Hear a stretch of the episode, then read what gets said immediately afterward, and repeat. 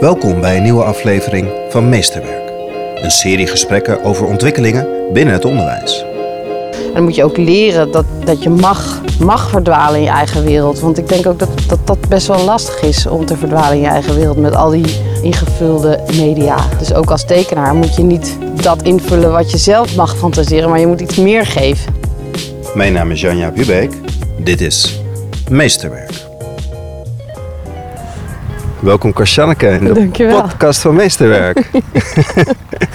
Even voor de luisteraar. Ik heb het idee, wij lopen door Alfred Jodokus kwaklandschap. Klopt dat? Oh, Dat zou ik niet weten. Het heet Volgermeerpolder. En het is de oude vuilstort van Amsterdam. Hier hebben ze vroeger ook allemaal chemische, vieze dingen gestort. Nou, wat zou het zijn? 30 jaar geleden of zo zijn ze begonnen of zo om het dicht te maken. Kan ook 10 jaar. Nou, en dat weet ik eigenlijk niet. Maar in ieder geval, nu is het natuurgebied en het is dus een, zit plastic tussen. Het afval. En ze hebben er overal een soort van buizen. Die steken uit de grond en dan kunnen ze het in de gaten houden of het allemaal goed gaat. Dus we lopen eigenlijk op een gifbelt. Ja, maar heel veel riet en heel veel water en ja, heel nee, veel maar echt eh, ook allemaal bijzondere vogels en zo. Ik, Ja, dus ik ren heb het idee dat Herman van Veen elk moment Oh, omhoog kan komen. ik ben. Zo vrolijk was ik nooit. Ja. Ja, nee, eh, weet ik niet. Ik heb Herman van Veen nu nooit gezien. nee. Hey Karsjanneke, wij hebben deze afspraak al een aantal dagen staan. Normaal ga ik dan allemaal eh, vragen al van tevoren bedenken en zo. En ik, ik vond het echt heel moeilijk. De vragen. Nou, wat, wat ik jou wil vragen. Ja. Jij bent illustrator van boeken. En dit is het, alle vragen die ik van de week zat te bedenken in mijn hoofd... die kwamen eigenlijk uiteindelijk allemaal uit bij... ehm, ik ben dyslectisch. Taal en lezen was bij mij op de basisschool en middelbare school best een drama. Herkenbaar. Ja, herkenbaar. maar er is één boek wat mijn leven echt gekanteld heeft. En dat is de Scheepsjongens van Bontekoe. Dat boek, dat las ik. En ik las allemaal van dat soort verhalen. En spannende reisverhalen van jongetjes die niet deugden op school. En dan de wereld gingen ontdekken. En dan bleken dat ze ontzettend veel talenten hadden en veel konden doen. Dat ging je daarna vooral lezen. Ja, dat soort boeken Toen allemaal. kreeg je door wat je leuk vond. Ja, Ja? alleen dat telde niet mee op school. Wat je Nee. leuk vond, dat mocht niet op school. Nee. Ik heb dus die boeken gelezen en er waren veel boeken met veel tekst en geen plaatjes. En toen had ik in mijn hoofd zo'n enorme verbeeldingskracht kwam er altijd bij die verhalen. Ik fantaseerde van alles bij.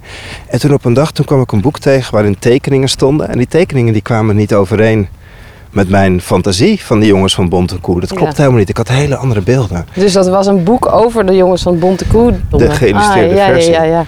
Op weg naar dit gesprek, eh, Spinder, eh, het werkstuk wat je getekend hebt. En je hebt van de week je nieuwe boek onder embargo gestuurd, mocht ik vast inkijken. En dan begin je aan een boek en dan zitten die tekeningen erbij. En dan klopt het. Nu die boeken zoals Spinder en het Ja. werkstuk klopt het. Ja, het Ja. klopt. Die tekeningen die kloppen in het verhaal. Ja, wat en het- je knalt dus het verhaal in. Dus eigenlijk de enige vraag die ik heb, hoe kan je in godsnaam van die woorden iets maken dat, dat mijn fantasie niet geremd wordt? Dat ik er gewoon helemaal inga. Hoe doe je dat? Een vage vraag, of niet? Nou ja, ik snap, ik snap de vraag. Het, is, het maakt heel erg uit wat voor verhaal je, ik moet, de- waar ik tekeningen bij ga maken. Maar in eerste instantie lees ik het. En bij Spinder was de vraag heel helder. Want ik ben eigenlijk diezelfde, dus de hoofdpersoon van het boek. Dus Spinder eh Hidde heet hij. En Simon van de Geest, de schrijver, die, die schrijft ook vanuit een dagboekvorm. En ik ook. Ik teken eigenlijk vanuit dagboekvorm. Dus ik, ik ben als een, soort, als een soort acteur in de huid van Hidde gekropen en ben gewoon die tekeningen gaan maken. Terwijl je aan het lezen was. Meestal lees ik het eerst en zet ik wel meteen strepen bij, bij dingen waar iets aangaat. Dus als ik een soort gevoel krijg van, dan, heb ik, dan popt er een beeld op. En ik heb gewoon geleerd dat serieus te nemen. En dat niet te denken, ja dat is mijn beeld. Maar dat ik dat beeld dus mag delen, want dat is mijn werk. Nou, en het leuke van Spinder was dat ik daar natuurlijk, of eh, leuk, ook heel bijzonder, want ik moest eigenlijk al mijn Spinder tekening, dus jongetjes tekeningen van, jongens van, van een jongetje van 11. En ik moest eigenlijk alles wat ik ooit geleerd heb, of nu tot dan toe deed, moest ik weer even laten varen. En ik heb me ingeleefd in het jongetje en die heb gedacht, die zit daar in die kelder en die is niet bezig met een kleurdoos, met potloodjes, met kleurtjes en eh, mooie pennetjes. Die heeft gewoon een balpen en die moet gewoon zijn gevoel kwijt. Dus ik heb een balpen genomen en het daarmee gedaan. En vanuit een balpen komen er ook automatisch fouten. En komen er ook automatisch schrijffouten en allemaal dat soort dingen in. Dus er ontstaat automatisch een soort ja, kader. Dus door de, ik, ik geef dus in de tekst aan, hier, hier denk ik dit is goed, hier kan ik iets bij maken. Ja, en dan eh, ga ik dus van start en dan, en dan kruip ik in de huid van heren. Dan hou ik net mijn pen niet zo stevig vast. Het moet een jonkie zijn wat nog niet heel goed met 3D kan zijn. En dan die fout die blijft erin staan. Zo ontstonden die tekeningen. Neem ja. eens mee bij zo'n script. Je krijgt dat dan opgestuurd. Is dat dan uitgeprint? Of krijg je dat over de mail? Of zijn dat dan ellenlange bladzijden? Krijg je Ja, nee, dat gaat dus heel erg verschillend bij het werkstuk wat nu net is uitgekomen, of een halfjaartje geleden. Was, ben ik echt bij het begin bij geweest dat Simon een plan had van eh, ik wil graag dat het over een werkstuk gaat. En toen was het zelfs nog niet eens dit werkstuk. Dat was echt al een heel oud idee en daar was ik al bij. Vervolgens ging het werkstuk, krijg, krijg ik een soort, ja, hoe noem je het? Een synopsis, een, een stukje tekst met een globaal het verhaal. En dus dat heb ik dan gelezen en hebben we het over gehad wat mijn rol zou kunnen zijn binnen het verhaal als tekenaar. Van kan dat meisje dan heel goed tekenen of zo? Of schrijft ze brieven? Of houdt ze heel erg van tekenen? Nou, allemaal die, al die, dat soort vragen moeten we dan antwoord op zien te krijgen. Maar de tekst is nog niet af. Dus dan ben, zit ik gewoon daarin mee te denken. En dan vervolgens krijgt, het, wordt, krijgt de tekst steeds meer vorm. Dus dan lees ik hem weer. En dan zijn de stukken tekst echt nog veel te lang. Dat je echt denkt, oh man, ik kom je helemaal niet doorheen. En ik ben daar heel gevoelig voor. Dus als het me te lang gaat duren of als ik afdwaal. En dat geef ik allemaal aan aan Simon. Dus dan ga ik echt mee, meedenken over... Nou, waar neem je me mee, waar neem je me niet mee? Wat klopt er niet? Waarom wordt ze eigenlijk verliefd op die jongen? Weet je, zo van, van die vragen die voor Simon heel voor de hand liggen... die hem al niet meer opvallen dat hij dat eigenlijk niet behandelt. Daar ben ik eigenlijk meelezer. En ondertussen zit ik na te denken, wat is nou mijn rol als tekenaar hierin? Want op zich, Simon schrijft heel erg uh, beeldend. En dan hoef je heel, heel vaak eigenlijk niks bij te tekenen, want het beeldend zat. Maar wat kan ik nou bijdragen dat het verhaal meer wordt door mijn tekeningen... en niet alleen maar een invulling van iets wat je toch al zelf kan bedenken. Nou ja, dus bij, bij het werkstuk was het uiteindelijk zo dat ik die Eva, die kan niet per se heel goed tekenen. Die, die gebruikt dat gewoon om dingen uit te leggen. Nou, en dus komt er automatisch, dan gaat er bij mij iets aan van, oh, maar een meisje wat niet zo per se er best doet op een tekening, maar gewoon even iets wil uitleggen. Nou, dan neem ik een afslag, denk ik, oh die, en dan hoort zo'n soort handschrift bij. Nee, en dan heb je het deel waarin zij eigenlijk geen werkstuk meer schrijft. En toen heb ik op een bepaald moment gezegd, volgens mij moet ik de gedachte, dat wat hij allemaal overslaat, Simon, dat is mijn taak om dat neer te zetten. Om in te vullen. Oh ik zal even uitleggen. Ik, ik teken dus de gedachte van haar, hoe haar vader eruit ziet. Het is in ieder geval een meisje wat op zoek gaat naar de biologische vader. Tijdens de zoektocht om, zit ze natuurlijk te fantaseren over hoe die vader eruit zal zien. Of wat hij allemaal wel niet zal doen. En, hoe, ze heeft een soort enorme mooie fantasie over die vader. Maar Simon, die omschrijft dat niet heel uitgebreid. Hij zegt wel eens, misschien is hij wel muzikant. Of stel je voor dat ik hier met mijn vader ook had gevist. Of ik zeg maar wat zo.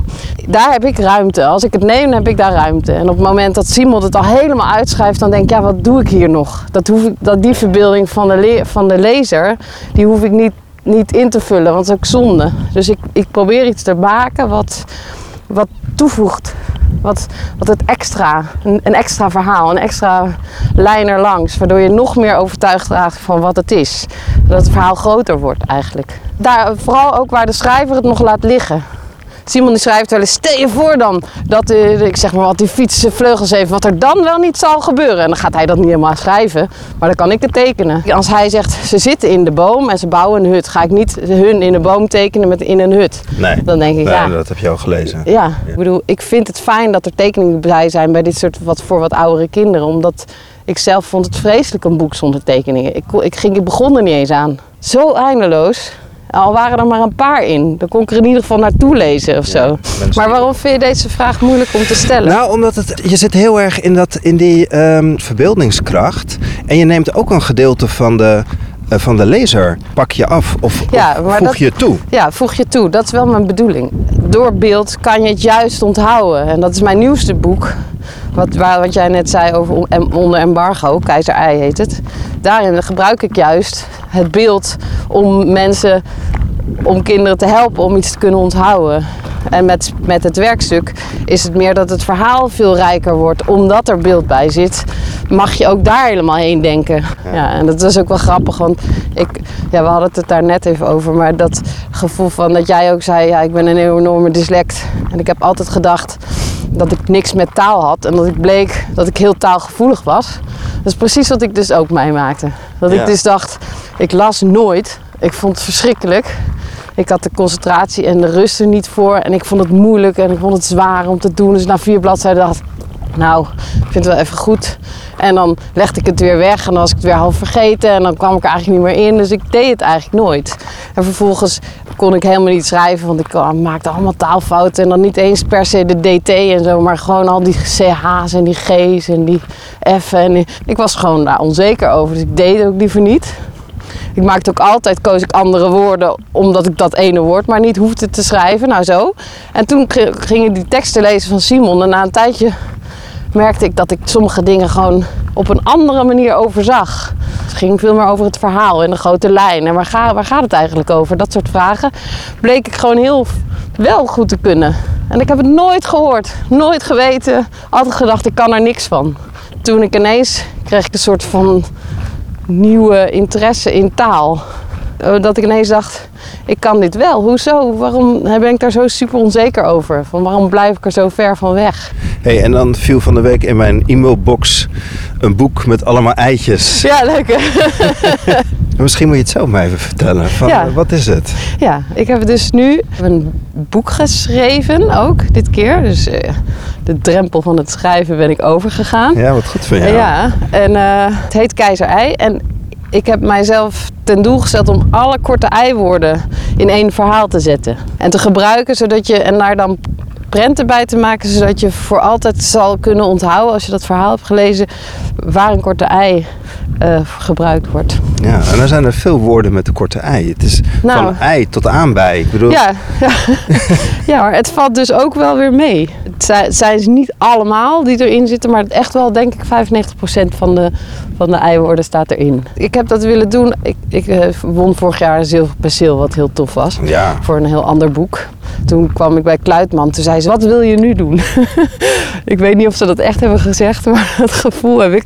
Toen zei ik, nou, ik heb al heel lang een soort wens om de korte ei te vangen in één boek. En dat het een leuke manier is om die korte ei te kunnen onthouden. En niet een soort van eh stamperijtjes. Of, eh, want ik, het is zo'n struikelblok voor mij en mijn dochter ook. En, eh, waarom de korte ei? Nou, dat is een van de, een van de struikeldingen voor dyslecten. Kort ei. Die ging Eh, ons even helpen. ik dacht, ik ga die, die, die, die beeldende denkers eens even helpen. Want grappig was, ik heb dus vroeger een basisschooljuf gehad die daar mij heel erg begaan was met mij. Of tenminste, zo voelt het. En die heeft toen op een bepaald moment een heel klein stukje verhaal aan mij gegeven. En dus die had een paar trucjes aan mij gegeven om die, die woorden die er maar niet in kwamen te onthouden. Nou, en daar zat onder andere een verhaaltje bij met een paleis en een fontein. En eh, nou, dat is eigenlijk het enige stukje wat ik nog weet dat er een paleis was, was met een fontein. Dus ik heb ook nooit meer vergeten dat het paleis met een korte ei is en fontein met ook met een korte ei. Toen dacht ik, daar moet toch een verhaal van te maken zijn van al die korte eieren. Toen dus ik legde dat voor bij de uitgever. En toen vonden ze eigenlijk wel een goed idee. Die zei, nou ga maar doen. Ik ben op zoek gegaan naar een lijst met korte ei. Toen kwam ik er wel een heleboel tegen, maar het woord weinig zat er bijvoorbeeld niet tussen. Toen dacht ik, nou, dit is niet heel volledig. Dus toen ben ik wel op zoek gegaan, steeds als ik wel iets las. Of als ik dan weer een woord zat, dacht ik, die, staat die in mijn lijst? Nou, had ik een enorme lijst. Dat heb ik uitgeprint en die heb ik uitgeknipt. Al die eitjes heb ik uitgeknipt.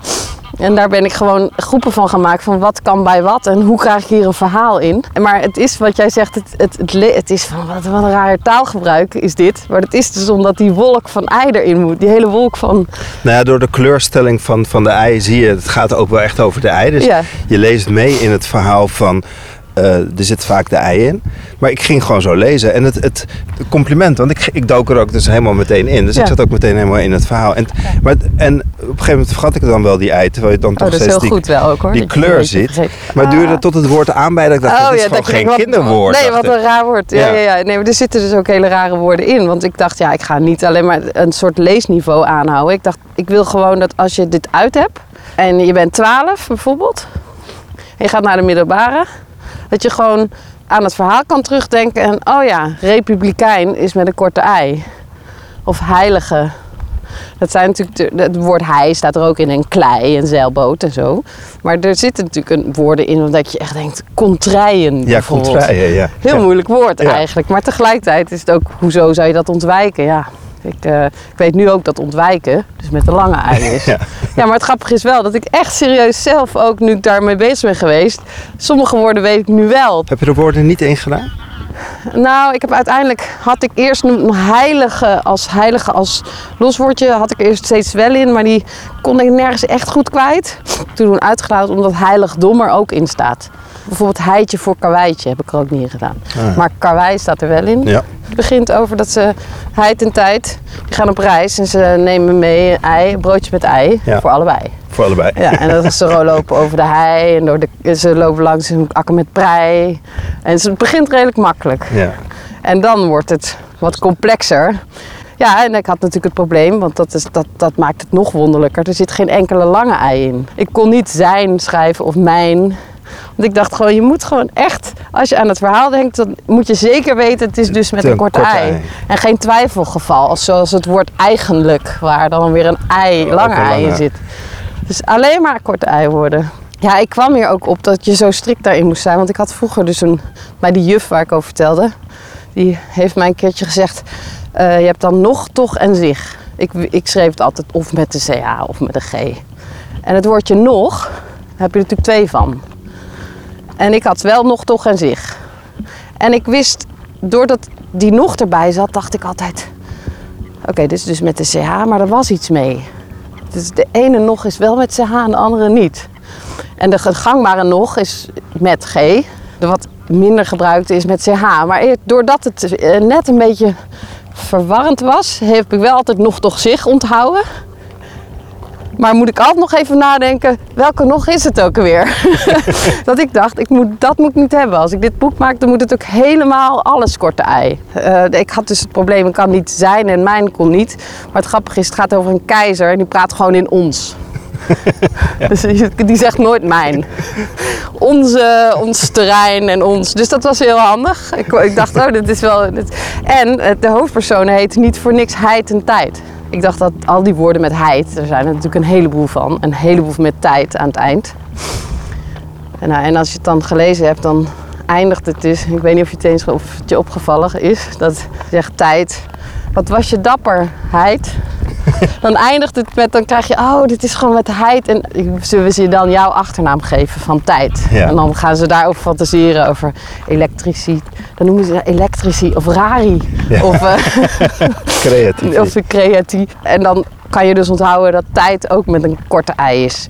En eh, behalve dan daar waar, waar het over tijd gaat, echt. Over de, de tijd van de klok. Maar goed, ja, dus dat boek had ik jou gestuurd. Want ik dacht, het is wel iets voor, eh, voor jou. ja, Voor docenten, om lekker voor te lezen. om te snappen. Maar dan Ja. haalde ik jou net op en toen stond jouw man aan een schitterende boot te, te schilderen. En die, die zat te vertellen dat jij ook zo je dochter helpt. Want die is ook dyslectisch. En die Ja. vertelde dat jij de hele dag tekeningen met Duitse woordjes aan het maken bent. Met- Ja, nee, want daar gaat het dus ook over. Dat je met beeld en taal samen dingen beter kan onthouden. In ieder geval voor een heel groot deel van de mensen is dat zo. Die zat met die Duitse woordjes en dan was het weer der en dan was het weer die. En dan wanneer dan wat. Of das. Ja. Nou, toen zei ik, als je nou eens een tekening maakt waarin alle mannelijke woorden op één tekening komen. En alle vrouwelijke op de andere tekening. En nu heeft hij dus een hele tekening in zijn hoofd. Van, oh, dat is dus zijn alle mannelijke woorden. En dat heeft hij ook met de vrouwelijke gedaan. Dus je helpt je gedachten scherpen in de zin zodra, zodra En je je hoeft dan... alleen maar aan die, en je hoeft dan aan het tekening beeld te te denken. denken. Ja, en dat is echt zoveel makkelijker dan die lettertjes. Ja, dus mijn jongste dochter die kan dat gewoon onthouden. Die kan ook uit haar hoofd spellen. Maar als je dat niet kan, dan, dan zijn het gewoon losse lettertjes. En dat blijft ook zo. Dat kan ook elke keer weer gewoon toch een lange ei zijn. Ook al weet je al duizend keer dat het met een korte is. Als je het ziet staan, denk je niet als dyslect. En zeker als beginnend schrijver. Eh, oh ja, dat is natuurlijk met een korte ei, want dat heb ik wel eens eerder gezien. Dat, zo werkt het gewoon niet. En dat zou je wel willen. Maar dus vandaar mijn wens om dat een keer in een verhaal te zetten. Met keizer ei dan. Met beeld erbij die je, waar je goed kan onthouden. Dat je kan denken aan het beeld en denken, zat er nou iets met prei in? Ja, er zat iets met prei in. Oh, dat is met kort ei. Dus een korte ei. Ja, dus dan hebben die, die kinderen, of die jonge kinderen van zeven, die hebben al heel veel, krijgen, kunnen die onthouden met die simpele woorden. En dan die ingewikkeldere woorden zoals contraien, nou die komen er wel in voor, maar die zijn niet alles bepalend. Het is niet zo dat je dan vervolgens het boek niet meer begrijpt als je die woorden niet kent. Uh, maar dat, ook als je twaalf bent, dat je dan wel weet dat een Romein met een korte ei is. En dan heb je toch voor elkaar gekregen dat, dat ik gewoon in het verhaal ook verdwenen ben. Maar dat is ook een ja, heel... goed. Ja, dat is echt gek. ja, dat was wel een heel de lief verhaal. Ja, het is een heel lief verhaal. Het is heel goed gelukt, hè? Ik moet eerlijk zeggen, ik heb in de zomervakantie vorig jaar gemaakt. Het doft eigenlijk de lijn. En ik was zo blij dat ik het rond kreeg. Dat ik er een verhaallijn in kreeg. Maar ik begrijp nu dus pas, het is helemaal van de andere kant begonnen. Helemaal vanuit die woorden. Vanuit en eigenlijk woorden, helemaal vanuit die... Doordat ik, ik had een kader van die ei. En daarmee moest ik het gaan doen. En daar, dan voel ik me heel vrij met zo'n kader. Want dan kan ik gewoon denken, oké, deze moeten er allemaal in. Welk verhaal mag ik hiermee vertellen? En ik weet natuurlijk wel dat je een spanningsboog moet hebben. En dat je zeker iets, ook iets er spannend in moet zijn om je een beetje te grijpen. Je kan niet gewoon maar een beetje doorvertellen. Dus ik, ik weet wel ongeveer hoe je een verhaal moet opbouwen. Maar ik dacht niet van tevoren, ik ga een verhaal vertellen over heid en tijd. Ik wil graag een verhaal vertellen over heid twee vrienden die naar een eiland varen. Dat heb ik niet van tevoren bedacht. Nee. Ik dacht gewoon, oh ja, deining. Oh, dat is heel goed. En een zeilboot en een deining en uh, dreigende lucht. En oh, dat kan deze groep woorden kan mooi hier. Toen heb ik nog een beetje geschoven van wat moet dan waar. Maar met, bijvoorbeeld met keizer ei, waar ik nu natuurlijk helemaal in zit, is, ben ik heel erg bezig geweest dat die prenten van elkaar heel erg onderscheidend zijn. Verschillend zijn, ook al zijn ze wel allemaal met dezelfde figuren en uh, met dezelfde hand getekend.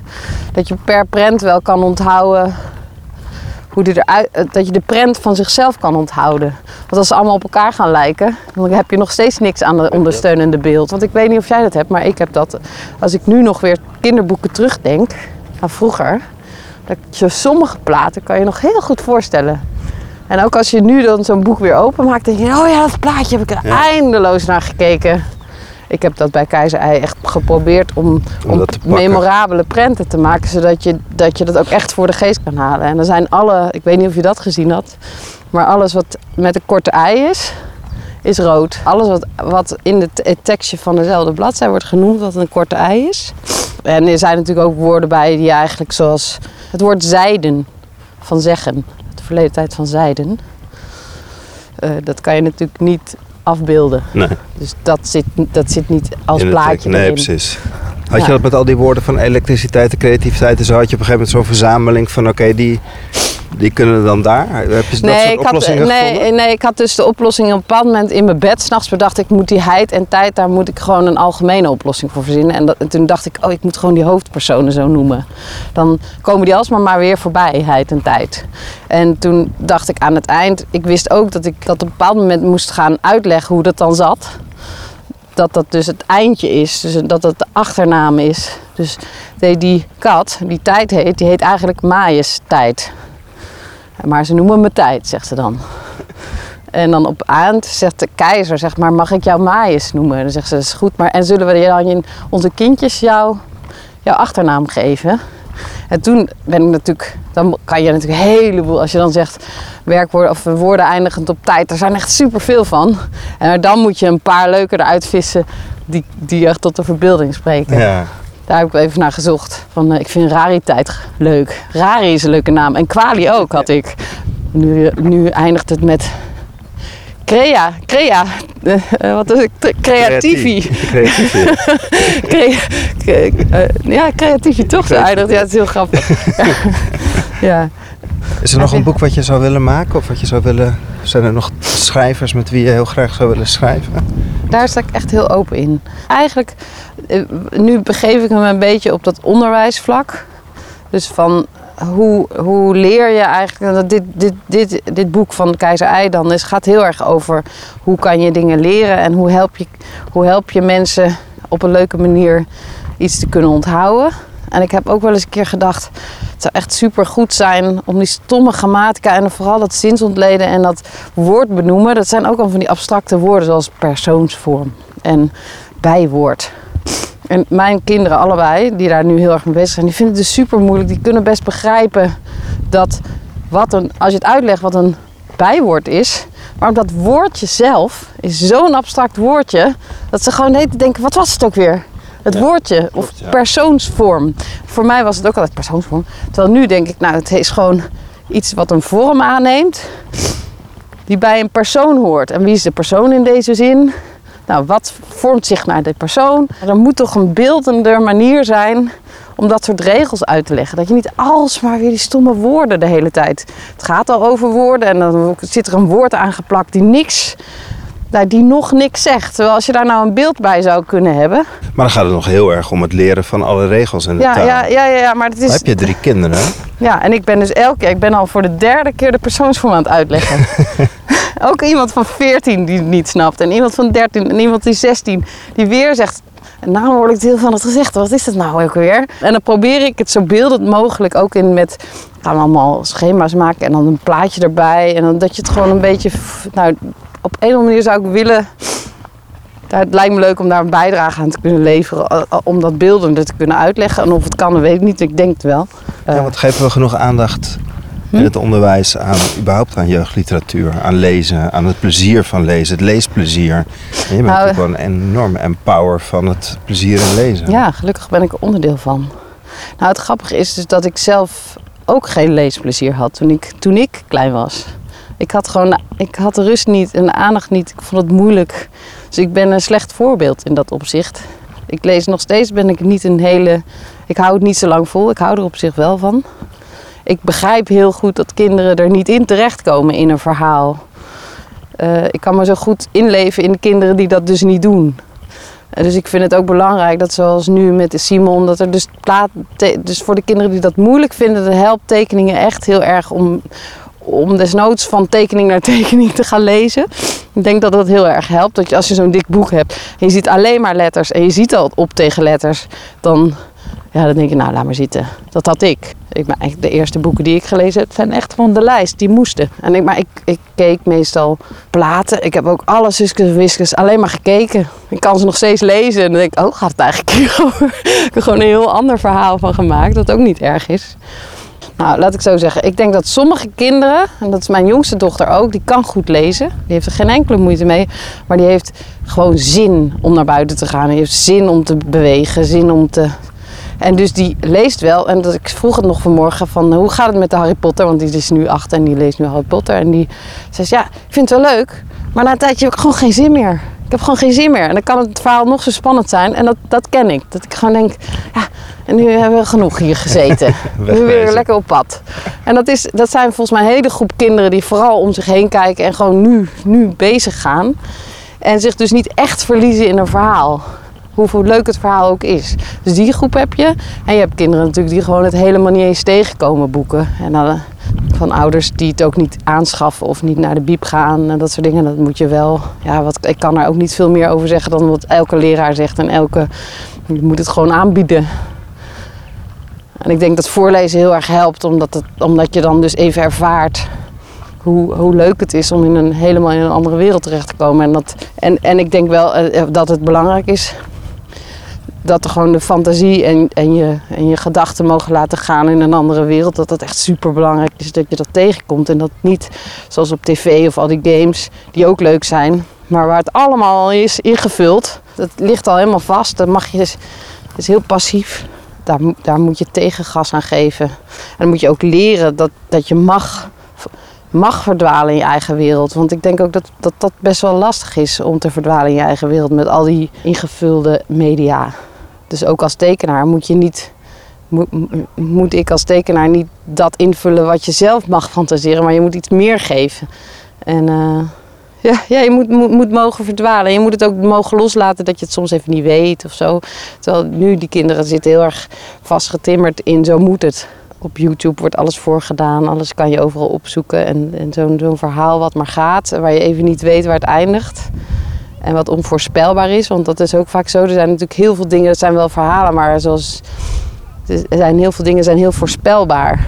Dan- weet je, oké, ik kom daar uit. En dus durf je erin. Maar een verhaal waar je niet weet waar je uitkomt, dat is, daar durf je misschien wel niet in en dan begin je er maar niet aan. Ik heb het gevoel dat het, dat, dat het ook eng is om in een verhaal te gaan waar je nog niet weet waar het eindigt. Dat je het al eigenlijk kan voorzien waar het gaat eindigen en dat je daar dan wel in durft. Maar zo'n zo'n kinderboek waarvan je, welk, je weet het niet precies te plaatsen nog, dat is lastiger. Dus je moet een soort van vertrouwen geven dat het bijzonder is om ergens even te zijn waar je het niet weet. Ja, maar ik ben daarnaast dus zelf zo'n slechte lezer dat ik dus eigenlijk... eh, Ik ben niet degene die het goed kan adviseren, denk ik. De schoonheid van lezen. Heel raar ook, want dan denk je, wat doe ik dan in dat boekenvak? Maar ook uit een soort frustratie. Dat ik denk, waarom, waarom is het mij niet gelukt om toen ooit in die boeken te verdwalen? En waarom lukt het me nog steeds niet? En waarom eh, heb ik altijd gedacht dat teksten niks voor mij is, alleen maar omdat ik niet kon spellen? Waar, waarom is taal niet van mij geworden? Omdat, omdat, spel ik, omdat ik dat niet kon als dyslect. Ik vind dat dus zelf heel moeilijk om, om meegenomen te worden en het gewoon maar los te laten. Het is iets waar ik, waar ik een soort weerstand in voel. Ik, ik, ik wil niet dat jij mij overal mee naartoe sleept. Dus ik, wil, ik ben hier. Ik wil hier kijken wat er is. En, ik, en dus de neiging om iets weer dicht of uit te doen of dicht te doen, die is bij mij ook heel groot. Om te, te mogen verliezen in een verhaal. Eh, Ik vind het ook eng. Eh, Met films heb ik dat nog veel meer. Want dan word je zo ingezogen dat dan, dan, dan denk ik, oh laat maar, laat maar, doe maar niet. Ik wil deze wereld niet in. En eh, je weet niet welke hoeken van de kamer ik allemaal te zien krijg. En daar heb ik even geen zin in. Ik vind het al heftig genoeg zo. Of heftig. Of het is al genoeg, de wereld zo. Ja. Ja. Nee, maar daarom vind ik het wel zo'n mooi tijdbeeld nu ook wel Ja. even stil moeten staan. Ja. ja, we hadden het erover dat, eh, dat, dat we begonnen met corona. En we kijken natuurlijk allemaal, nou, inmiddels wij zijn een beetje mee gestopt, maar die series die alsmaar maar doorgaan. En, denk, en dan uiteindelijk dan komt er een soort eind aan een serie, hè, van een Netflix of zo. Maar je bent gewend dat er dan een soort conclusie komt en dan, hup, en dan is het zo. De coronatijd, toen we begonnen met thuiszitten, leek het even of we in zo'n serie waren. Van, ah, dan kunnen we dit niet en dan kunnen we dat niet. En dan, maar dan na een tijdje is het gewoon een om- ja, het blijft maar doorgaan. En dus eigenlijk, we, we verwachten eigenlijk nu allemaal spektakel. Want het is in de serie ook. Het blijft doorgaan en dan gebeurt van alles. En we zijn gewoon gewend dat er dan een soort bombastisch einde aankomt. Maar eh, eh, nu mag het wel weer stoppen, de serie. soort van. maar zitten we gewoon in een soort serie die maar niet stopt. Eh, eh, ja, ik weet niet. We hebben, we zijn gewend om daar controle over te Ja, dat te hebben. En dat je hem uitzet en dat het dan weer klaar is. Dan mag je gewoon weer naar buiten. Maar dat is nu niet. Het is gewoon, dit is gewoon nu wat het, wat het is. Ja, ik vind het dus ergens wel lekker, die, die eenvoud. Weet je wat ik ook heel goed vind? Dat wij nu dus, nu zie je dus al onze kinderen struggelen. En dan dat je ineens ziet, het zijn allemaal verschillende mensen. De ene kan helemaal niet met computers overweg. Een andere heeft het binnen no time heel handig geregeld voor die kinderen. En dan komt mijn dochter heel gefrustreerd naar beneden. Zij snappen ook niet hoe ik denk. Je kan toch niet via vier kanalen mij informatie geven. Ik moet gewoon Office, Microsoft, eh, wat is het Teams. weer? Teams geïnstalleerd. Dan moet je niet toch nog steeds via een magister zitten te communiceren. Want daar kijk ik dan toch niet meer op. Ja, precies, Nou, ja. dat is een enorme frustratie. En dan, dan, ik zei dan tegen mijn dochter, je moet dat zeggen, want dan kunnen ze daar iets mee. Oh ja, ja. Vervolgens staat in de hele schoolmail.